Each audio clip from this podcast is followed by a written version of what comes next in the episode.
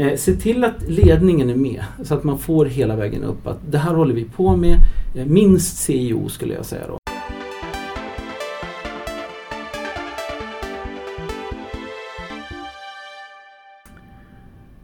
Välkommen till Effekten, det är här vi optimerar digitaliseringen. Och idag ska vi prata om de digitala plattformarna. Välkommen Christian! Tack! Och när det gäller för mig då digitala eh, plattformar så är, handlar det om väldigt mycket olika buzzword och tekniker som finns ute på marknaden just nu. Man eh, lyssnar på att allting ska vara cloud, det ska vara mobil, det ska vara IoT, AI, machine learning, omnichannels. Det är väldigt mycket buzzwords. Och då undrar jag hur man liksom ska knåda ner det här och det är det jag tänkte vi skulle prata lite om eh, här. Mm. Eh, och, och vad är då en digital plattform för dig då? Ja, jag skulle vilja eh, göra det ganska enkelt. Då. Det, det, är så när kunder kommer till oss eh, med frågan om eh, eh, vad de behöver göra då, så, så, har de tre stycken saker som de frågar efter. Det första är hur ser en digital version av vår affär eller verksamhet ut? Då? Eh, och det andra är vad behöver vi för stöd och IT-stöd för att bygga eh, den här digitala affären, verksamheten? Då? Eh, och det tredje då såklart, hur kan vi göra det här snabbare? Alla vill ha en, en snabbare, eh, snabbare resultat. Då. Men, men, den första punkten handlar ju, den digitala versionen. Mm. Den handlar ju väldigt mycket om AI, så mycket teknik. Får jag gissa där? Eh, alltså... Ja, det blir ju så att man, man vill eh, ta manuella pappersbaserade processer, då, vilket vi har hållit på med ett bra tag, eh, och göra dem eh, effektivare då med digitala medel. Mm. Eh, och idag så har vi ju ganska mycket större möjligheter än vad vi har haft tidigare. Det går ju ganska mycket snabbare. Och eh, om man tittar på, liksom, om, man, om man tar ett steg tillbaka och tänker sig att okej, okay, vi skulle börja med vår verksamhet idag hur skulle vi då bygga den? Så blir det troligtvis ganska annorlunda jämfört med eh, som den ser ut. Och det, det sköna med, med ditt svar här på min fråga vad är digital plattform? Det, det, du svarar inte att du ska ha den här arkitekturen från Microsoft. Du, du ska ha de här eh, teknikerna. Det, det är inte det vi går in i på först. Nej, nej, det kommer på tredje plats egentligen, eller? Ja, det, det, ligger definitivt med i, i det man bör göra när man, när man sätter igång det. Att, det är klart att det blir i slutändan tekniska lösningar. Men det kanske inte är där man börjar utan man börjar titta på, okej okay, vad är behoven? Eh, vad är det viktiga som vi vill åstadkomma? Vad är, vad är nyttan då? Vad är det som gör ont hos eh, de du möter idag som vill göra den digitala versionen av sig själva? Ja, alltså det är ju så. De två delarna som man ser i leveransen, du nämnde teknik då och jag är ju arkitekt så det blir ganska naturligt. Men det man ser mer och mer är att det handlar om organisation och hur man jobbar. Eh, och att förändra människor och hur de jobbar eh, är ingenting som är jättelätt. Så att det, det är mycket där som, som, som det gör ont. Och, och, precis, man har en vision om att man ska bli mobil och då tänker man kanske att ja, vi löser det rent tekniskt men det handlar ju om att organisationen måste ställas om för att möta kunden som möter oss mobilt. Exakt. Och, och, och, då är det inga tekniska lösningar som löser det egentligen utan då är det organisationen som du nämnde här nu som Exakt. är viktigt. Eh, jag uppfattar också att eh, vi har ju eh, kunder idag som jobbar, de har ju jobbat sedan 70-talet med IT de har väldigt mycket information. Det finns ett informationshav som man inte riktigt vet hur man ska liksom sätta en plattform runt. Är det också korrekt? Ja, Eller absolut. Ser kunder ett problem i det? Ja. När de kommer och besöker dig? Så. Alltså de flesta har ju förstått att eh, vi behöver samla på oss information. Vi har en massa information. Eh, och det finns ju två aspekter på det. Det ena är just vad gör vi med det? Alltså hur ser vi till att den här informationen kommer till nytta för kunderna då? Eh, våra slutkunder och deras behov och det de på ett eller annat sätt har indikerat till oss som vi borde veta då. Eh, och det andra är ju då det som kommer med allt den här privacy, alltså att man håller reda på att inte spara för mycket information och, och till exempel då att jag ska med den här GDPR. Om du ja, ja. ja, vi har haft några man, avsnitt. Ni har haft avsnitt det, ja. Eh, och då, då är det ju så att jag ska kunna begära att ta bort information om mig och mm. det jag har. Så det ställer ju helt andra krav då på systemen. Jag menar, det är en sak att samla in. Men att rensa upp och kanske hitta eh, saker då eh, som, man, som man inte vill spara då. Det är också en utmaning. Och, och där har du säkert knip, det, olika knep på hur, vad man ska göra, hur man ska ta för man kan ju börja med en liten del av informationen och liksom visa på goda exempel antar jag också. Mm. Sådär. Men Absolut. exempel där det, det, är bra, en digital plattform du säger så här, här, titta, den här kunden eller den här lösningen. Det, det, här är bra exempel på de har lyckats med en digital plattform. Mm. Finns det några sådär så du kan highlighta? Ja just det. Mm. Jag jobbar ju med ett flygbolag då som eh, har, skulle jag säga, då, ganska bra förutsättningar. Deras affär är ju ganska lite fysik om man säger. Mm. Det är mm. väldigt lite fysiska. De har ju flygplan och de har en massa eh, processer då, eh, i samband med flygplatsen och sådär. Men i kundinteraktionen så är nästan allting digitalt. Eh, och det borde vara så. De flesta kunderna förväntar sig att det är så. Eh, så de har ju liksom ett, ett, bra läge. Men det roliga är när man börjar bygga då, som de har gjort, sin digitala plattform. Så märker man att det är så mycket mer man skulle kunna göra när man väl kommer dit. Då. Så, att, eh, så då, så här, utmaningen ökar liksom med ju längre man kommer. Då. Så att det är lite som, som ja, det, det, finns ju andra exempel på när, när liksom utmaningen eh, blir större efter, efter ett tag. Då. Men eh, jag, jag, tycker den är intressant. Sen finns det de här som är fast i då, en massa gamla stora industrier och, och, och sånt. Då. Eh, och de, de har ju lite större utmaningar då. Mm. Där kommer det också in mer intressant runt det här med IoT, att man kopplar upp saker och, och, och de får man då som du var inne på samma följdproblem. Att de genererar också en massa information, vad ska vi göra med den och så vidare. Så det, det är bra exempel. Så vi, vi har ju då ett, vi har ett antal sådana här stora eh, eh, vad ska man säga, eh, tjänstekunder då, som flygbolaget mm. eh, som har lyckats ganska bra. Och sen finns det även då tillverkningsindustriföretag då, eh, som vi jobbar med eh, eh, som också har kommit igång bra tycker jag. Ehm, och de, alltså anledningen att nästan alla kan göra det idag är ju tack vare att mycket av den här infrastrukturen, molnen och så vidare finns ju där ute färdigt. Man behöver inte bygga upp sin egen park av servrar. Ja, och det, är det godispåsen, jag brukar alltid säga det som ett uttryck, att vi har en väldigt eh, färgglad eh, konfetti. Eh, välj vilken tjänst du vill använda på nätet, köp den så här. Eh, men är det någon som tänker på att allting ska fungera tillsammans? Ja, du? ja, exakt, jag, det, precis det var mitt spontana svar. Jag, jag tror att det är eh, det viktigaste jobbet en arkitekt kan göra är att just samla ihop det här och, och, kanske då när vi kommer in och pratar om molntjänster då som du säger, det finns ganska mycket där ute. Så tror jag även att man kommer då, nu har man tidigare då tänkt mycket sådär att vi ska bestämma oss för ett moln. Mm. Och så kör vi med de tjänsterna som finns där. Medan man nu mera går mot att titta, okej, okay, kanske att vi vill plocka de bästa tjänsterna från olika moln.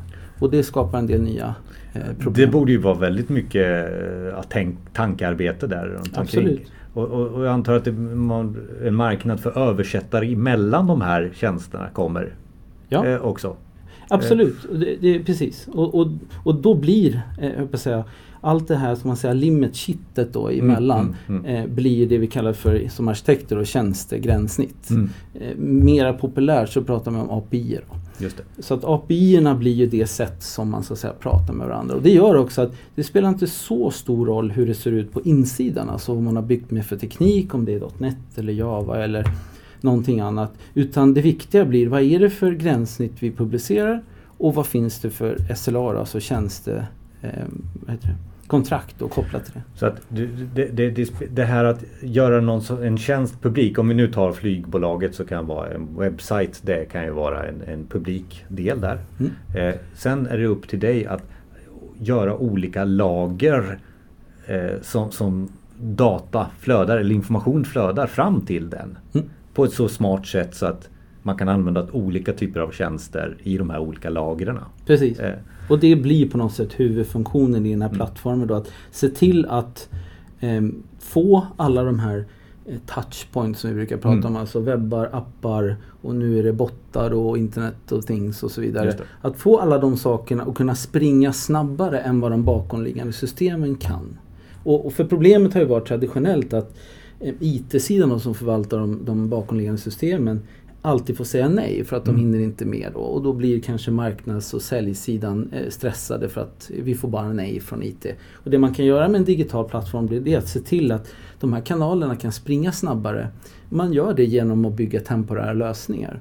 Och, och gör man det rätt, om man tänker till på de här gränssnitten, då kan man ta, byta ut de där temporära lösningarna med riktiga bakomliggande kopplingar sen utan att det berör kanalerna. Och då kommer arkitekten i dig eh, fram. Och, Exakt. Ja, med kunskap om att de här fungerar ihop och att de perfekta översättarna, API-erna, eh, finns i, i det här. Precis. Bara kunden kan komma fram till vad publikt hur det ska se ut publikt. Mm. Och, och det du, du, du nämnde, tillbaka där vid, vid flygbolaget igen. De har ju en ganska så enkel publik publik publik eh, för den är digital som du sa. Mm. Eh, eh, när det gäller den tillverkande industrin det är inte lika uppenbart så kanske för konsumenttanken. Så. Men jag vet att du har visat mig någon gång att eh, stor industrimaskin eh, pratade med nätet men ni drog ner tiden. Eh, Berätta lite där hur, hur man kan tänkas göra det. där. Ja. Jo, nej men det är ju så med molnet då. Då, då, då centraliserar man ju. Mm. Då kan man lägga in logiken i molnet och då eh, blir det ganska lätt att managera det, hantera det då. Men eh, det man kan göra idag då, till exempel med den här tekniken som, som vi pratade om då i, eh, från Azure, eh, från Microsoft då, som Azure eh, Edge heter då den här tekniken. Det gör att man kan ta den logiken från molnet och flytta ner den i maskinen vilket ger då en mycket snabbare responstid när det är någonting som går fel. De här maskinerna då eh, som vi pratade om kostar 10 miljoner och sånt Mm. där. Så varje, varje sekund räknas. Mm, mm. Och det är ju sånt som, som, som kund att ge kunden den arkitekturen gör ju att man vinner på, på längd i det här fallet och Exakt. tid. Och så. Men, men när det gäller så här, jag, jag tror att man fortfarande i, i, i tankar hos kunder, i alla fall när jag är ute, så, så känns det som att vi ska gå mobilt, vi ska IoTa och vi ska clouda och vi ska omnichannel och vi ska träffa. Så, men hur lyckas jag nu då? Alltså, Mm. eh, här sitter Christian och, och berättar hur duktigt man lägger i olika layers och sånt där. Men, Mm. men hur lyckas jag eh, med min digitala plattform? Eh, mitt tänk helt enkelt. Precis. Jag tror eh, att man ska börja, kanske eh, inte helt uppenbart för alla då, men jag tror att man ska börja ganska enkelt. Jag tror att man ska bestämma sig för någonting. Eh, Vi får ju ofta den här frågan. Okej, vi har sett alla seminarier, vi ska ha DevOps och vi ska ha allting. Men, Mm. men hur gör vi? Mm. Och, och det jag har sett som fungerar, som jag har gjort i många år, då, det är att börja ganska lite. Sätt ihop, eh, först och främst bestäm dig för en, en, en, eh, något behov. Eh, helst någonting som man har kämpat med ganska länge. Som inte är jättekritisk för verksamheten men som är viktigt. Eh, kanske inte vill, vill lägga den absolut kritiska på, på det här. Men någonting som är viktigt. Eh, se till att ledningen är med så att man får hela vägen upp. Att det här håller vi på med. Eh, minst CEO skulle jag säga då. Mm. Eh, och- så att man vet att man håller på med det här. Nästa steg då, så är det nummer ett. Bestäm för en viktig sak som man vill åstadkomma. Eh, nummer två, sätt upp den här digitala plattformen i molnet då. Mm. Eh, och då Och gör du man det. förespråkar molnet? Ja. Ja, alltså det är ju enklaste sättet att komma igång. Jag menar pratar vi vissa eh, branscher då som bank och försäkring och sådär så är det jobbigt. Eh, och det beror på en massa saker, till exempel GDPR som vi pratade om innan då. Men eh, jag tror att när man gör det här så, så, så blir det lite av labbverksamhet i början då. Eh, och då kan man kosta på sig och kanske eh, ja, inte hantera den absolut mest känsliga informationen och så vidare. Och då kan man göra det i molnet. För då, då kommer man på banan ganska snabbt. Och då får man också möjlighet att göra det som är det absolut viktigaste då. Eh, och, och det är ju tredje steget, nämligen att sätta ihop det här autonoma teamet då. Och i det här autonoma teamet då så jobbar man egentligen så som en startup Mm. jobbar. Alltså man jobbar väldigt kundnära. Så man, man ägnar inte månader åt att planera, sätta upp någon arkitektur utan snabbt upp med en plattform i molnet. Se till att leverera någonting efter Säg att du har en sprint noll som vi brukar prata om när man sätter upp allting och gör lite effektkartläggningar och sånt. Och sen då eh, sätter upp plattformen då samtidigt. Sen sprint 1 ska leverera någonting som verkligen ger värde efter redan en månad. Det låter väldigt enkelt att sätta upp det i sådana här tre steg, det är ju så. Men, men eh, i stora organisationer och sådär, eh, så, så, hur ska vi lyckas med det här? Är nyckeln ledningen då? Eller är det någonting annat? Ska man visa på goda exempel underifrån? Jag tror att det är det man gör med det här eh, teamet. Alltså, det finns en bra historia faktiskt just från Microsoft. Eh, det var så de började. Det var ett team Eh, på deras utvecklingsavdelning som började. Sen spred sig till tre, fyra team. Eh, till slut så fick de med sig tack vare det då den mellanchefen som sa att nu kör våran avdelning så här. Och det tog sju år för dem. Men då sa Nadella då som är deras globala VD sa att det här är det sättet vi ska jobba på då mm. för ett par år sedan. Så, att, så att det, det, det, jag tror definitivt att man kan göra så. Jag tror att det här teamet då som jag sa då har någon typ av koppling till ledningen och har ett, ett öga där så kan de se att det här funkar ju faktiskt. Och risken är ju minimal därför att om de levererar någonting som fungerar varje månad eh, och har liksom sin budget. Då behöver man inte ha så jättemycket annan styrning utan man, man kan säga okej, okay, ni levererar bra. Jag tror att det är många som sitter och lyssnar som, som har eh, kanske en arkitektroll idag. Mm. Och så säger ja, ja, ja Christian, det där fungerar ju i alla bästa världar. Men vi har ju vårt organisationsnummer i tre olika register här. Det kommer ju inte funka. Liksom. De, man fastnar där. Mm. Vad du säger här att, ja men skit i det. Nej, nej, nej inte, alls, inte alls. Utan det man gör tror jag när man eh, traditionellt då som arkitekt eh, så försöker man ordna upp sådana här saker. Mm. Ofta så kallas det för Master Data Management. Ja. Eh, eller SOA då. Mm. Sådär. Mm. Eh, och ehm, det man ska göra är, tycker jag, samma sak. Jag sa ju det att man ska tänka till på gränssnitten. På samma sätt ska man tänka till på datat. Som det här flygbolaget till exempel. Tog ett steg tillbaka och sa Vi vet att det finns en massa olika definitioner av en bokning i alla olika system. Men hur skulle vi vilja idag att en bokning såg ut? Och sen ser man till då att de här skikten som du pratade om knådar till den informationen så att ut till de olika kanalerna så blir det enligt det formatet vi har bestämt oss för. Vilket gör då att masterdatat det är liksom en liten, liten del av masterdata. Så vi tar inte hela det här och försöker få ihop allting utan just den delen av masterdata som vi behöver för det här första vi ska bygga. Det gör man på rätt sätt. Och, och då menar du också på i det här att det blir en organisationsförändring eh, själv självmant lite. Ja. Eh, att det, blir en snöbollseffekt utav titta de kunde då kan vi. Och så. Men visst, sju år sa du Microsoft. Eh, ja. Det, man får hålla i det här lite också. Ja, eh, jag skulle säga att en av de viktiga aspekterna på det autonoma teamet är just hur de jobbar, den attityden som de har. Det går inte att ha liksom överlämningar mellan, vi brukar säga typ 6-7 personer. Då. Utan snarare är det så att alla jobbar med allting och alla är ansvariga mm. tillsammans. Mm. Vilket gör att man lägger sig i och man hjälper till och utvecklarna kanske till och med är med och gör design och så vidare. Så att det blir väldigt mycket overlap och det krävs att det är en, en speciell typ av människor som tycker om att jobba med resultat snarare än kanske hålla sig i sitt skrå. och Mm. Sitta och vänta på en leverans eller överlämningar. Sånt där. Det är fula ord för oss. Oerhört intressant Christian. Är det, är det något mer där i, i just eh, lyckan, ja, lyckas med, med digital plattform där som du känner att det är en framgångsfaktor som du har varit med om?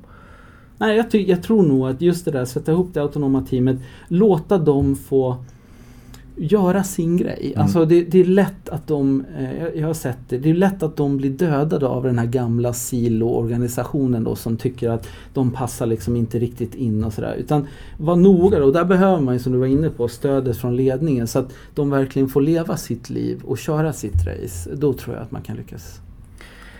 Framtiden inom digitaliseringen handlar om att ha en plattform som man kan expandera det är det jag har hört också du säga. Mm. Det, det, handlar om att inte låsa fast sig i det som är populärt just nu. Eh, för då, då kan du inte expandera din affär. Nej. Inte expandera din verksamhet heller i den, i den riktningen du vill. Eh, vi kommer på effekten.se lägga in ut din bulletlista på Lyckas. Mm. Eh, och där får ni också kontakt med Christian Forsberg. Tack så mycket! Tack själv!